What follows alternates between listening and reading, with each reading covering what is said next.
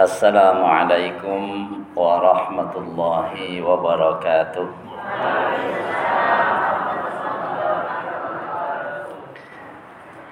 Bismillahirrahmanirrahim. Alhamdulillahilladzi hadana li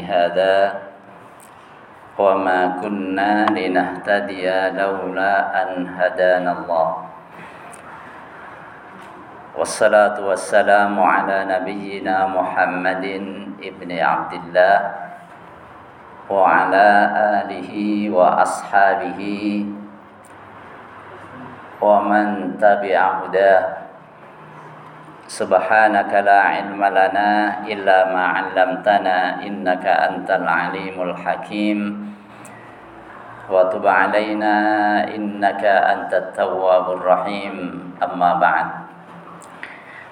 Para sesepuh yang saya muliakan segenap pengurus DKM Masjid Husnul Iman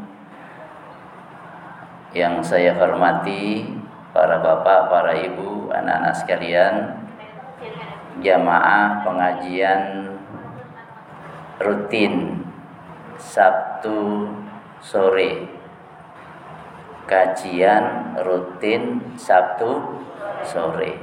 Disingkat kantin S2 oh, SS ya.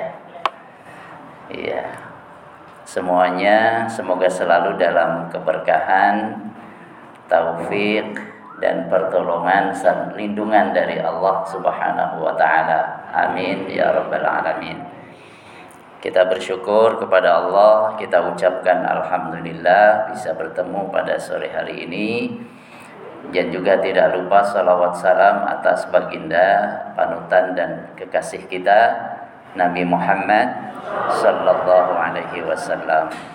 Semoga kita semua termasuk orang-orang yang mendapatkan syafaatnya di hari kiamat nanti. Amin ya rabbal alamin. Para bapak dan ibu sekalian, tema kita hari ini adalah melanjutkan tentang adab mencari ilmu. Hal yang pokok dalam adab mencari ilmu yang pertama adalah meluruskan niat. Apa Ibu? Meluruskan niat.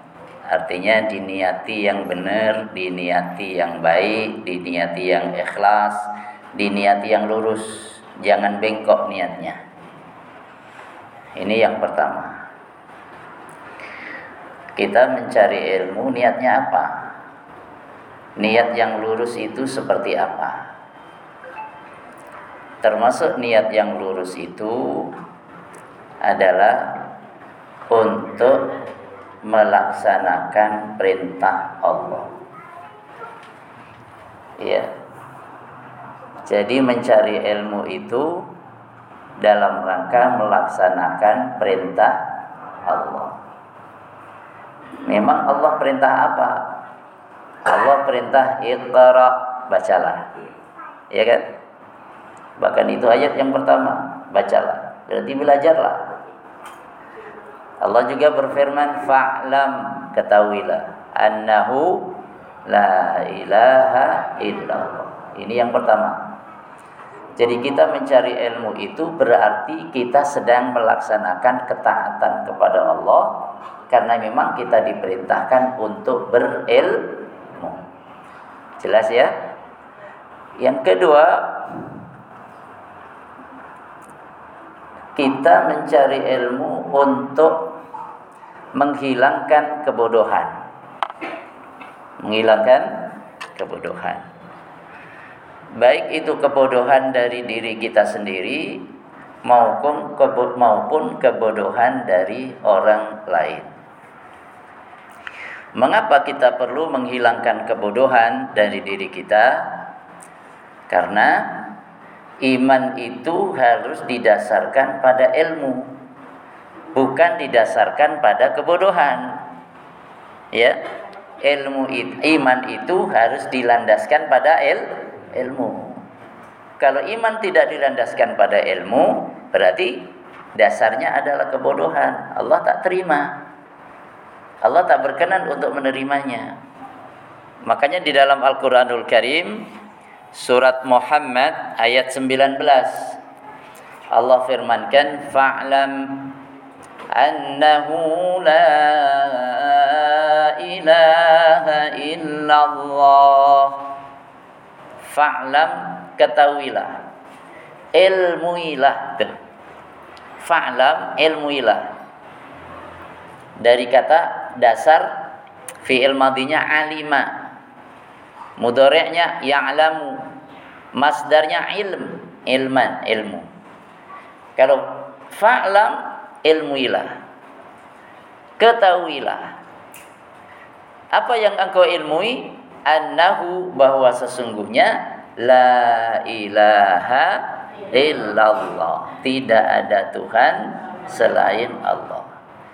Jadi pernyataan tidak ada Tuhan selain Allah itu harus dilandaskan pada ilmu. Maka dimulai dengan fa'lam maka tidak mengherankan kalau kemudian Al-Imam Al-Bukhari dalam kumpulan hadis sahihnya yang dikenal dengan Sahihul Bukhari memulai babnya yang ada dengan mengatakan babul ilmi qablal qawli wal amali. Bab menerangkan ilmu sebelum berkata dan sebelum berbuah jadi perkataan dan perbuatan supaya didasarkan pada ilmu. Kemudian disebutkan ayat ini, fa'lam annahu la ilaha illallah wastaghfir li. Mohon ampunlah kamu untuk dosamu. Jadi kita menuntut ilmu untuk menghilangkan kebodohan dari diri kita agar iman kita, amal kita dilandaskan pada ilmu juga kita niatkan untuk menghilangkan kebodohan dari orang lain. Karena setelah kita mengetahui, kita ingin ilmu kita juga bermanfaat. Bukan hanya untuk diri, tapi juga untuk orang lain. Orang yang orang lain paling dekat adalah yang ada di rumah kita. Apakah nunggu harus menjadi ulama? Enggak juga. Karena Rasul telah memerintahkan, "Ballighu anni walau ayatan." Ini hadis riwayat Imam Bukhari. Yang artinya sampaikanlah dariku walaupun hanya satu ayat. Jadi kalau seseorang mengetahui satu ayat, memahami satu ayat, oleh Nabi diperintahkan satu ayat itu tolong sampaikan pula kepada yang lain. Artinya apa?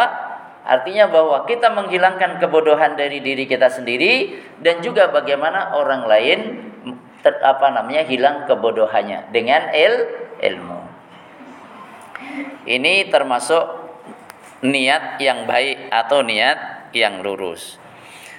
Apalagi di antara niat yang baik adalah agar bertambah khasyah kepada Allah. Khasyah itu apa? Bertambah takut kepada Allah. Takut apa? Takut berbuat maksiat. Takut kalau tidak mengagungkan Allah sebagaimana mestinya maka di dalam Al-Qur'anul Karim disebutkan surat Fatir ayat 28. Innama yakhshallaha min ibadihi ulama. Innama yakhshallaha sesungguhnya tidak ada lain yang memiliki rasa takut kepada Allah. Min ibadihi di antara hamba-hambanya adalah al-ulama'u orang-orang yang berilmu. Jadi hanya orang-orang berilmulah yang memiliki rasa khasyah, rasa takut kepada Allah Subhanahu wa taala. Kalau orang tidak punya ilmu, orang tidak kenal siapa Allah, tidak kenal sifat Allah, tidak kenal nama-nama Allah, bagaimana dia mencintai Allah? Bagaimana dia taat kepada Allah? Bagaimana dia terdorong untuk takut kepada Allah ketika berbuat maksiat? Tentunya ini jauh. Jauh panggang dari api. Agar supaya orang semakin bertambah khasyahnya kepada Allah, rasa takutnya kepada Allah sehingga dirinya terjaga dari hal-hal yang dibenci dan dimurkai Allah, maka jalannya adalah ilmu. Jadi ilmu itu sepadan dengan khasyah. Semakin orang berilmu, semakin dia khasyah kepada Allah Subhanahu wa taala. Karena hanya orang yang berilmu di antara hamba-hamba Allah yang memiliki rasa khasyah kepadanya. Ini yang pertama meluruskan nih ya niat menggil apa tadi niat e, belajar menuntut ilmu untuk apa melaksanakan perintah Allah. Kemarin sudah kita bahas orang yang keluar mencari ilmu, maka dia sedang berada apa? Fi sabilillah di jalan Allah sampai pulang subhanallah. Jadi sekarang kita juga sedang fi sabilillah. Kemudian mencari ilmu untuk menghilangkan kebodohan. Mencari ilmu agar kita makin khusyah kepada Allah. Artinya makin bertambah keimanan kita ketakwaan kita kepada Allah Subhanahu wa taala. Siapa yang ingin bertambah keimanannya, tambah kuat ketakwaannya, maka perlu semakin bertambah pula ilmu-ilmunya. Kemudian apa adab yang kedua? Adab yang kedua dalam mencari ilmu adalah memilih guru. Apa? Memilih guru. Kalau kita punya anak mau belajar ke mana, kita milih nggak? Belajar di sana saja. Di sana kita tahu gurunya sabar, gurunya orangnya open, ya. Gurunya orangnya uh, ya mengamalkan ilmunya, keluarganya juga orang baik-baik, gitu kan? Ah, anak-anaknya juga alhamdulillah terdidik dengan baik karena dia bisa mendidik anak-anaknya insya Allah nggak salah mendidik anak-anak kita ini namanya mencari guru Kenapa penting mencari guru? Apa enggak cukup dengan membaca saja? Dikatakan kalau orang yang menjadi gurunya adalah buku saja, maka kesalahannya boleh jadi lebih baik banyak daripada kebenarannya. Jadi kalau orang hanya membaca buku, kadang membaca buku penulis maksudnya apa, dia fahamnya apa. Ini kalau nggak ada guru nanti repot, ya. Kemudian setelah baca seolah-olah menjadi ulama. Begitu seolah-olah menjadi ulama semuanya salah. Semuanya di neraka. Yang masuk surga sendiri dirinya sendiri. Emang enak masuk surga sendirian? Oh nonton bola aja sendiri nggak enak. Bapak Ustadz juga nonton. Ya paling tahu paling nggak tahu highlightnya lah. iya. Iya, makanya ada no Oh kan, barnya ini nobar pasti nonton mbak. Nanti malam ada nggak? Wah, Masya Allah, apa jadwalnya ya? Ibu-ibu juga pada nonton? Hah? Masya Allah, Masya Allah. Ah, ayo balik maning ya. Emang nanti malam gimana mau main? Gimana? Katanya mau balik lagi Ustaz. Yang main, main siapa nanti malam? Maroko sama Portugal. Oh, masya Allah. Maroko lawan Portugal. Ini seperempat final, gitu ya? Nah, sebelumnya Maroko menang sama siapa? Spanyol. Nah, ini kalau kita baca sejarah, subhanallah, ini ada kemiripan nih. Jadi bagaimana peristiwa ini mengingatkan kita kepada sejarah? Spanyol itu dulu selama 8 abad itu menjadi wilayah muslim. Selama 8 abad dan peninggalan-peninggalan kaum muslimin di sana masih sangat banyak. Ini selama apa namanya? Spanyol. Masuknya dari mana? Masuknya itu ya tentunya dari Madinah ya. Madinah. Terus nanti Mesir, bagian utara Afrika itu, kemudian uh, ada Libya, ya ada eh, apa namanya? Uh, ada Maroko. Kan sebelum masuk Spanyol kan Maroko. Maroko menjadi wilayah Muslim. Kemudian dari Maroko ke utara Spanyol. Spanyol yang sekarang. Kemudian dari Spanyol naik lagi ke Portugal. Itu dulu begitu. Jadi ini kok apa namanya uh, Piala dunianya lo kok. Mengingatkan sejarah sejarah. Nah, ini kita baca sejarah. Adab yang kedua apa? Memilih milik guru. Dulu orang-orang Eropa, dulu orang-orang Barat Ya, di masa kegelapan mereka, masa keemasan Islam bagi mereka masa kegelapan karena mereka mandi saja itu juga belum biasa. Belum biasa waktu itu, ya. Dan yang biasa mandi itu orang Islam. Ya. Makanya ciri rumah orang Islam itu masing-masing ada kamar mandinya. Maka ketika kaum muslimin di apa namanya mengalami kekalahan, kemudian disuruh milih di Spanyol itu Waktu itu disuruh milih antara murtad meninggalkan Islam atau yang kedua meninggalkan Andalusia atau Spanyol. Yang ketiga, kalau tidak mau maka akan dieksekusi, dibunuh. Ya, maka mereka kemudian meninggalkan. Lah cara mengetahui ini rumah orang Islam gimana? Ada kamar mandinya. Asal ada kamar mandinya itu tandanya rumah orang Islam. Kawine mandi. Ini orang yang bukan muslim tidak belum terbiasa mandi. Ini tentang kebersihan. Jadi kembali bahwa adab yang kedua adalah memilih guru.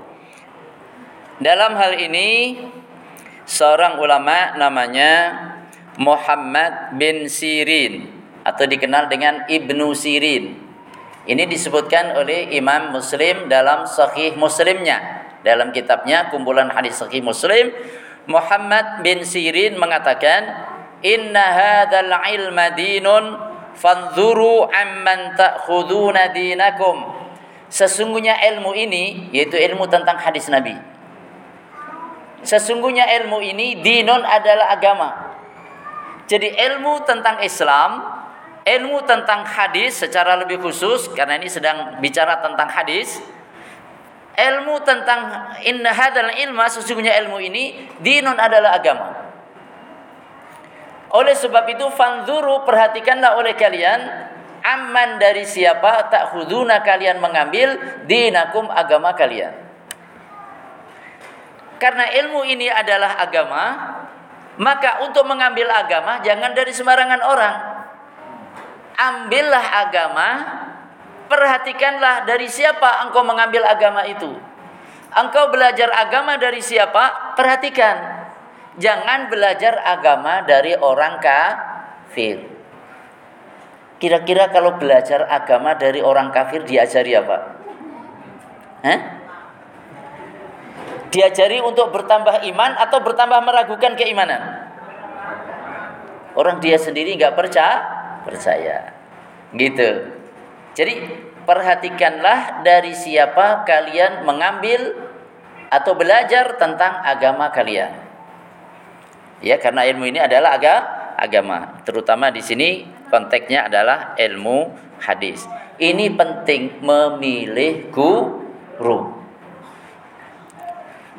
Kemudian setelah memiliki guru tentunya ada adab terhadap guru. Tawaduk terhadap guru. Tidak sombong.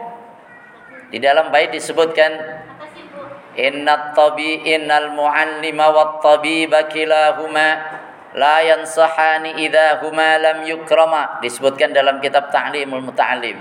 Dokter maupun guru itu tidak mau memberikan advice kalau mereka tidak dihargai. Iya. Artinya apa? Memuliakan gu, guru. Yang memuliakan guru bukan saja anak kita yang sedang belajar atau kita yang sedang belajar, tapi juga orang tuanya ikut memuliakan guru. Ya, Disebutkan di antara para ulama itu memuliakan gurunya di antaranya dengan cara memuliakan anaknya. Memuliakan anaknya. Maka di sebagian masyarakat anak-anaknya gurunya itu disebut apa? Gus. itu salah satu cara untuk memuliakan orang tua orang tuanya. Tapi bukan berarti Gus itu kemudian orang yang sedemikian rupa perkataannya mesti benar enggak juga. Sama dengan yang lain akan tetapi karena dia adalah anaknya guru kita maka kita memuliakan guru kita memuliakan pula anak-anaknya sebagai contoh saya ambil. Ya kita ambil contoh antara Ibnu Abbas ya antara Ibnu Abbas dengan Zaid bin Thabit Zaid bin Thabit ini seorang ulama seorang ulama dari kalangan para sahabat Nabi, Zaid bin Thabit. Ya, ulama dari kalangan sahabat Nabi. Kemudian Ibnu Abbas ini anak pamannya Nabi. Anak paman itu berarti siapa? Oh? Anak paman kok keponakan. Sepupu, ye, ye. Kalau keponakan itu anaknya kakak atau adik, ya, ya. Jadi sepupu. Ibnu Abbas ini sepupu Nabi dan masih muda. Iya. Ibnu Abbas sebagai sepupu Nabi mengetahui ada Zaid bin Thabit. Zaid bin Thabit ini sedang naik onta. Ketika dia mau naik onta, maka kemudian dipegangi ontanya itu oleh Ibnu Abbas. Memuliakan siapa? Memuliakan guru, memuliakan ulama. Dipegangi ontanya. Bukan hanya dipegangi, tapi kemudian dituntun talinya dituntun. Tapi yang namanya ulama tawadu. Tidak kemudian menepuk diri, menepuk dada. Oh, saya hebat, dimuliakan. Enggak begitu. Enggak begitu. Kalau begitu sombong namanya. Kalau somse itu somse. Sombong sekali. Iya. Orang sombong itu itu penyakit itu, penyakit hati itu harus dibersihkan. Ya. Dia tidak sombong ulama. Akhirnya dia mengatakan, lepaskanlah wahai ibna ammi Rasulillah, wahai anak pamannya Rasulullah. Cukup, nggak usah dituntun, biar saja jalan sendiri. Ia mengatakan, tidak. Seperti inilah aku diperintahkan untuk memuliakan ulama. Jadi Ibnu Abbas mengetahui bagaimana dulu Rasul memerintahkan dia untuk memuliakan ulama. Seperti inilah aku diperintahkan oleh Rasulullah untuk memuliakan ulama.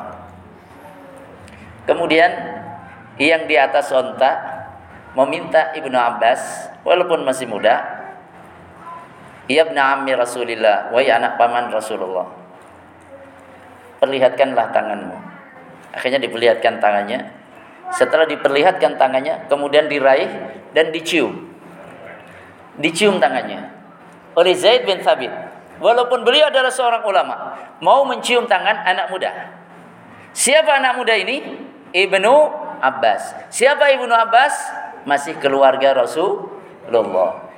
Zaid bin Thabit mengatakan, seperti inilah aku diperintahkan untuk mencintai keluarga Rasulullah sallallahu alaihi wasallam. Subhanallah. Jadi ini adab terhadap guru, demikian pula adab kepada orang yang dimulia, yang dimuliakan.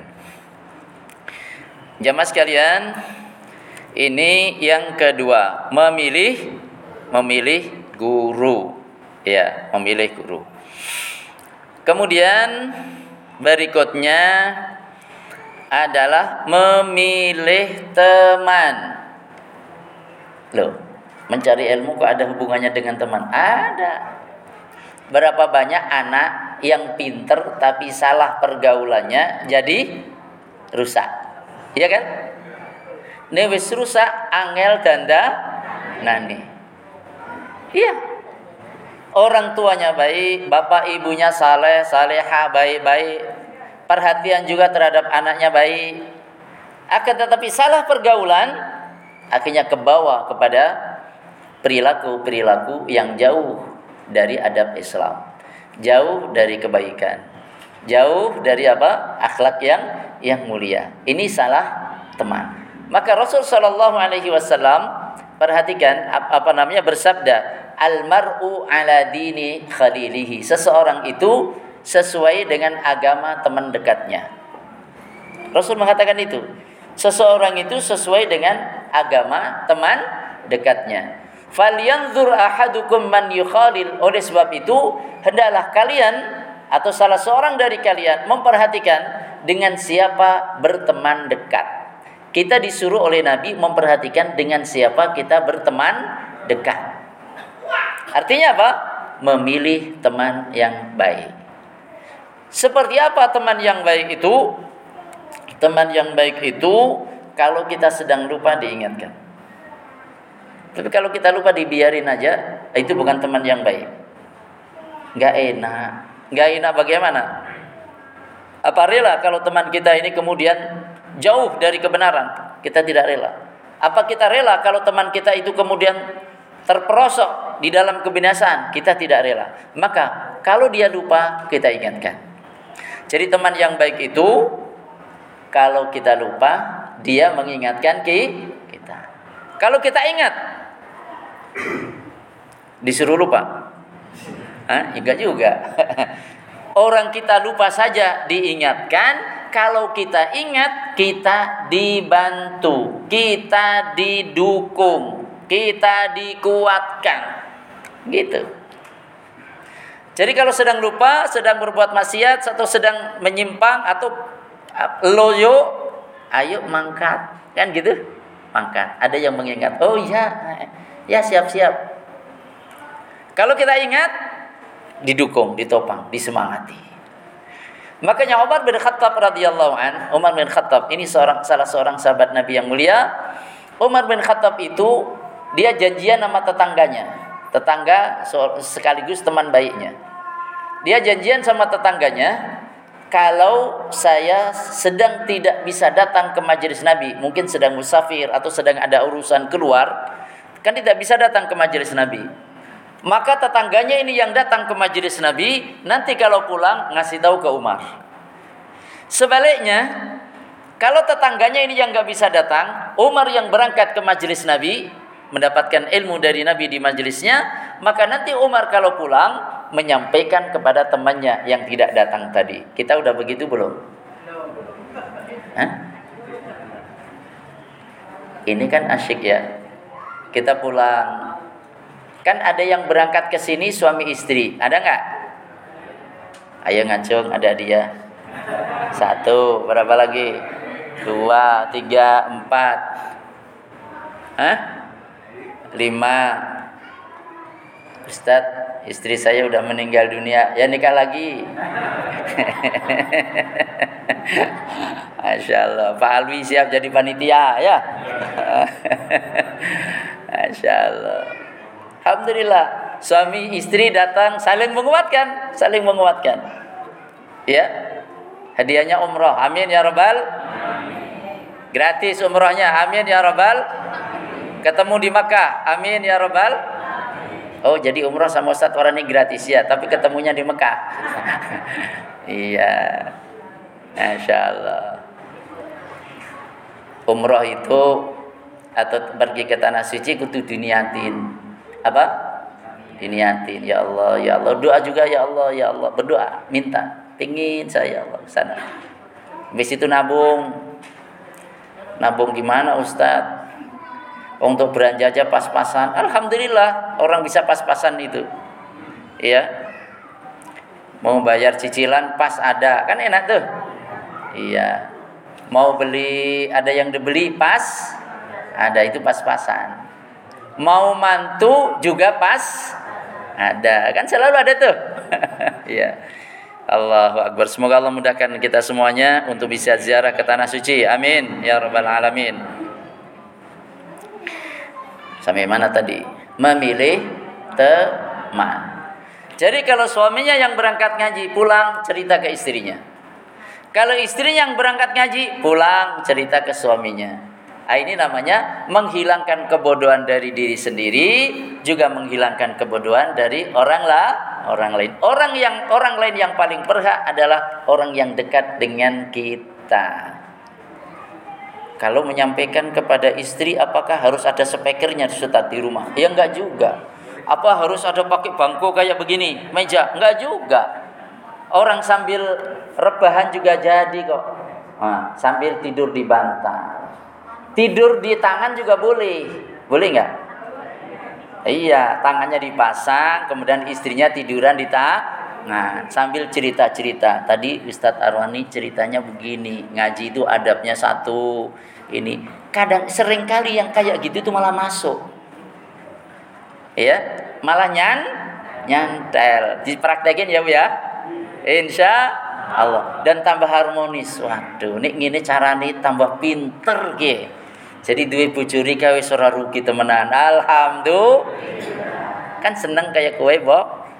Iya. Pak Alwi langsung pengen pulang. Loh, Nabi Muhammad kan gitu juga sama istrinya. Aisyah radhiyallahu anha menceritakan, ya, ketika saya sedang haid, sedang haid. Orang haid baca Quran nggak? Pegang Quran nggak? Iya. Tapi suaminya haid nggak? Enggak. Jangan sampai suami mengatakan, Pak nggak sholat, halangan. Iya, gara-gara sering uminya ngomong nggak sholat nih, halangan, halangan. Akhirnya bapak ke ditakoni, orang turun sholat pak, lagi halangan. iya. Aisyah radhiyallahu anha sedang haid, kemudian Rasulullah shallallahu alaihi wasallam meletakkan kepalanya di pangkuan Aisyah. Lewong suami istri, ya harus so. Nah, gitu. Meletakkan kepalanya di pangkuan Aisyah sambil membaca Quran. Ah. Ayo, siapa yang istrinya sedang haid? Ya. Apa nunggu haid? Enggak juga. Enggak juga, ya. Apalagi tidak sedang ha haid. Jadi membaca Quran bersama dengan keluarga itu kenikmatan tersendiri. Jadi contoh tadi dari oh, dari siapa? Dari eh, Umar bin Khattab bergantian dengan tetangganya, taman yang baik, mencari ilmu. Ini saling menopang, saling mendukung. Ada catatan yang kurang, gimana catatan kamu? Iya, dilengkapi. Ini memilih teman. Memilih teman. Dalam pepatah Arab disebutkan as-sahibu sahibun. Sahib itu sahib. Pertama pakai sod, kedua pakai sin. Sahib, sahib. Sahib itu artinya teman, sahib itu artinya geret. Teman itu geret. Narik. Kalau temannya baik, maka digeret kepada kebaikan. Kalau temannya buruk, khawatir nanti digeret kepada kebu keburukan gitu. Ini yang ketiga, memilih teman. Yang keempat di antara adabnya adalah bertahap dalam mendalami ilmu. Ya, siapa yang ingin mencari ilmu langsung semuanya sekaligus, maka tidak dapat semuanya. Eh? Siapa yang ingin mencari ilmu langsung semuanya, ia nggak dapat semuanya, nggak dapat apa-apa. Supaya mendapatkan secara bertahap utamakan yang pokok-pokok terlebih dahulu. Apa yang pokok? Yang pokok tentang masalah-masalah keimanan. Rukun iman, iman kepada Allah, siapa Allah, iman kepada Rasul, siapa Rasul, iman kepada malaikatnya, siapa itu malaikat, sifat-sifatnya macam apa, tugas-tugasnya apa, iman kepada kitab-kitab Allah, yang terakhir adalah kitab Al-Quran. Kemudian waktu itu harus wal yaumil akhir. Iman kepada hari akhir. Seperti apa hari akhir itu? Dari sejak kematian sampai alam kubur sampai nanti terus perjalanannya sampai ada di padang mahsyar sampai ada surga ada neraka. Itu ada informasi semuanya.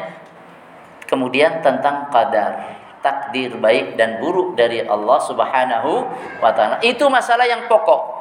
Maka ketika Nabi mengajari para sahabatnya orang yang baru masuk Islam atau awal-awal Islam diajarkan kepada mereka tentang apa? Tentang apa itu rukun Islam, apa itu rukun i, iman. Yang pokok-pokok terlebih dahulu.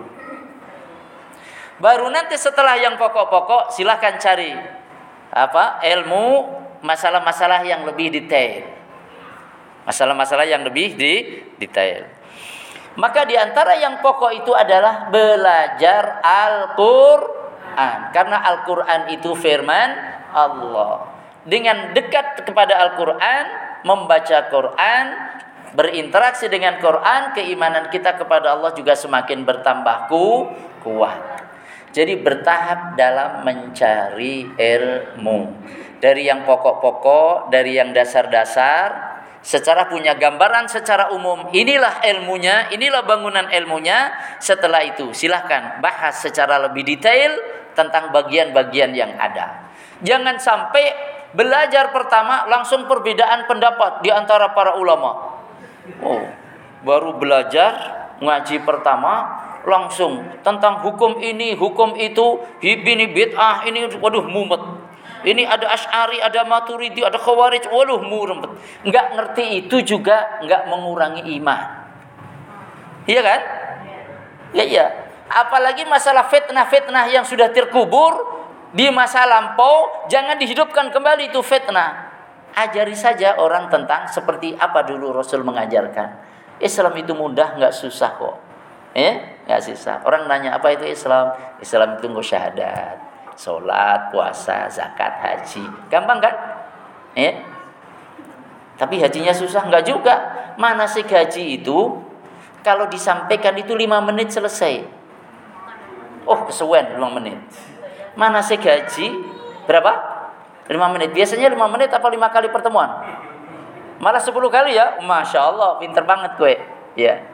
Lainnya mana sih umrah seperempat menit selesai.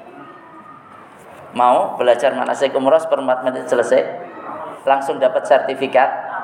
Pak Alwi siap ngeluarin sertifikatnya?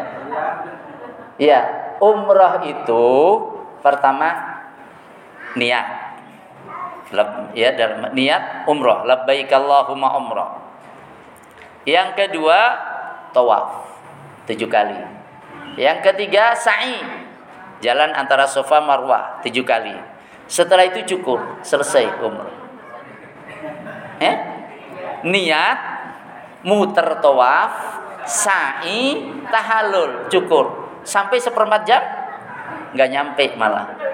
Diceritakannya nggak nyampe seperempat jam. Tapi kalau dijalani, ya kalau dari Dil Khulaifah sampai di Mekah itu kurang lebih yang 450 kilo ya. Nah, naik mobil ya sehingga juga tidak jauh. 6 jam nyampe insya Allah. Muter Ka'bah kira-kira berapa? 10 menit selesai? Enggak, setengah jam tergantung ya kalau ngiteri Ka'bah nempel ya, ya bisa ya tapi kalau dapat yang ring jauh ring dua ring tiga ya bisa setengah jam satu jam bisa satu setengah jam bisa mulani wit siki latihan melaku lu sampean kok saiki rajin jalan pagi latihan tawaf kan main wak we Ya main. Jadi kan latihan tawaf. Niatnya latihan tawaf. Latihan sa'i. Insya Allah nanti dimudahkan oleh Allah subhanahu wa ta'ala. Jadi kalau niatnya sungguh-sungguh insya Allah Allah akan mudahkan. Memilih teman. Ya. Bertahap dalam mendalami il, ilmu. Gitu. Yang berikutnya adalah mengamalkan ilmu atau sebelum mengamalkan sabar dalam mencari ilmu. Mencari ilmu itu perlu sabar. Ya. Allah Subhanahu wa taala berfirman, "Ya ayyuhalladzina amanu sabiru wa sabiru wa rabitu wattaqullaha la'allakum tuf la'allakum tuflihun." Hai orang-orang beriman, bersabarlah kalian, bertahanlah dengan kesabaran kalian. Lakukanlah ribat, Berjagalah terus kalian dan bertakwalah kepada Allah agar kalian beruntung. Jadi nggak ada orang yang menjadi alim, tidak ada orang yang menjadi ilmuwan, tidak ada orang yang menjadi expert, ahli di bidang apa pun tanpa kesabaran. Pasti di sana kesabaran di, diperlukan. Di dalam satu bait disebutkan turidina idrakal ma'ali rakhisatan wala budda duna syahdi min ibarin nahli min ibarin nahli pakai hak engkau ingin mencapai kemuliaan secara murah nggak ada. Orang mendapatkan kemuliaan dengan mudah kapan nggak ada. Ya. Wala budda duna syahdi min ibarin nahli kalau orang ingin mendapatkan madu kecuali kalau di toko. Ya. Kalau orang ingin mendapatkan madu maka dia harus rela disengat lebah. Tapi saya dapat madu nggak disengat lebah, Ustaz. Iya, lo beli nang toko. iya. Tapi untuk bisa mendapatkan madu yang bisa dijual di toko itu perlu ada kesabaran, termasuk juga kesabaran ketika disengat le lebah. Iya. Jadi sabar, sabaran. Makanya kita anak-anak kita ini Eh, kan godanya banyak ya, godanya banyak kalau belajar. Entah HP, ini segala macam, ini segala macam. Eh, biasanya orang tua yang apa namanya mendidik anaknya ya tidak menghalangi sama sekali dari HP akan tapi kasih syarat. Belajar dulu ini ini ini kalau sudah nanti kasih HP setengah jam. Dijamin juga tidak di loss. Nah, ayo setoran dulu satu halaman. Habis setoran satu halaman dipinjemin nanti berapa? Nah, tontonannya juga sudah ditunjukkan. Begitu. Sehingga permintaan anak apa jadikan permintaannya itu sebagai sarana dia belajar. Bahwa untuk mendapatkan permintaannya itu harus ada usaha. Dan kalau tidak ada usaha itu dia tidak dapat. Biar merasakan apa? Merasakan ada tingkat ada perjuangan itu. Saya pernah apa namanya? Udah mau habis waktunya. Eh, mas, belum menit. Iya, saya pernah begini. Uh, kan ada psikotes anak-anak. Psikotes, saya sebagai wali murid dipanggil. Pak, ini rekam jejak anak bapak. Hasil petikotasnya e, nanti tingkat penderitaan anak dari perbuatan orang tuanya apa? Uduh, ini ngeri teman pak. Enggak, maksudnya begini Pak Rohani. Jadi anak itu punya perlu ada tingkat penderitaan tertentu dari orang tuanya. Ya, jadi kalau tingkat penderitaan itu 100%, kalau tingkat penderitaan itu kurang dari 40% itu anak manja. Tapi antara 40% sampai 60% itu anak tanggung jawab. Tapi kalau tingkat penderitaannya itu sampai 90%, orang tuanya kejem banget, ini anak depresi. Paham ya? Jadi anak perlu dilatih perjuangan. Sebab kalau anak tidak dilatih sabar, perjuangan, nanti manja. Manja anak. Tidak bisa mandiri. Tapi kalau terlalu streng orang tua, ya, terlalu keras orang tua, terlalu tertekan tuh anak, anak bisa depresi. Makanya ada ringnya itu, dikira-kira, dikira-kira. Maka perlu ada kesabaran. Ya, kesabaran anak yang belajar, kesabaran orang tua juga yang mendidik anaknya untuk belajar. Kemudian yang kelima mengamalkan ilmu. Ilmu itu ibarat pohon, ya amal itu ibarat bu buah.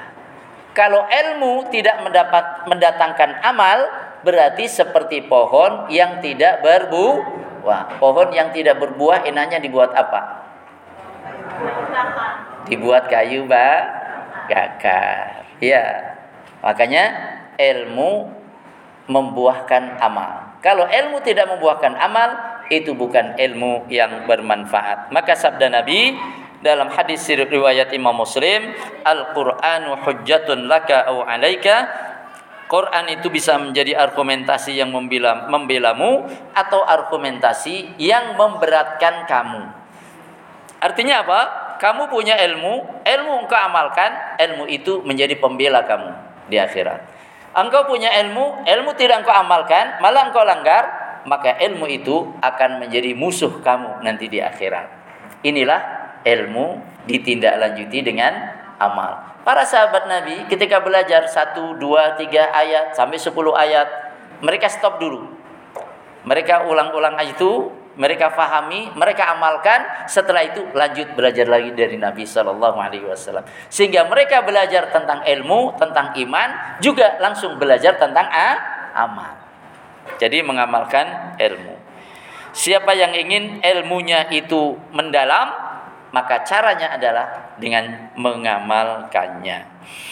Jamaah sekalian, kemudian ini beberapa saya kira cukup sampai di sini. Semoga bermanfaat. Masih ada sedikit waktu barangkali ada pertanyaan. Aku lukoli atas astaghfirullahaladzim wa lakum. Assalamualaikum warahmatullahi wabarakatuh.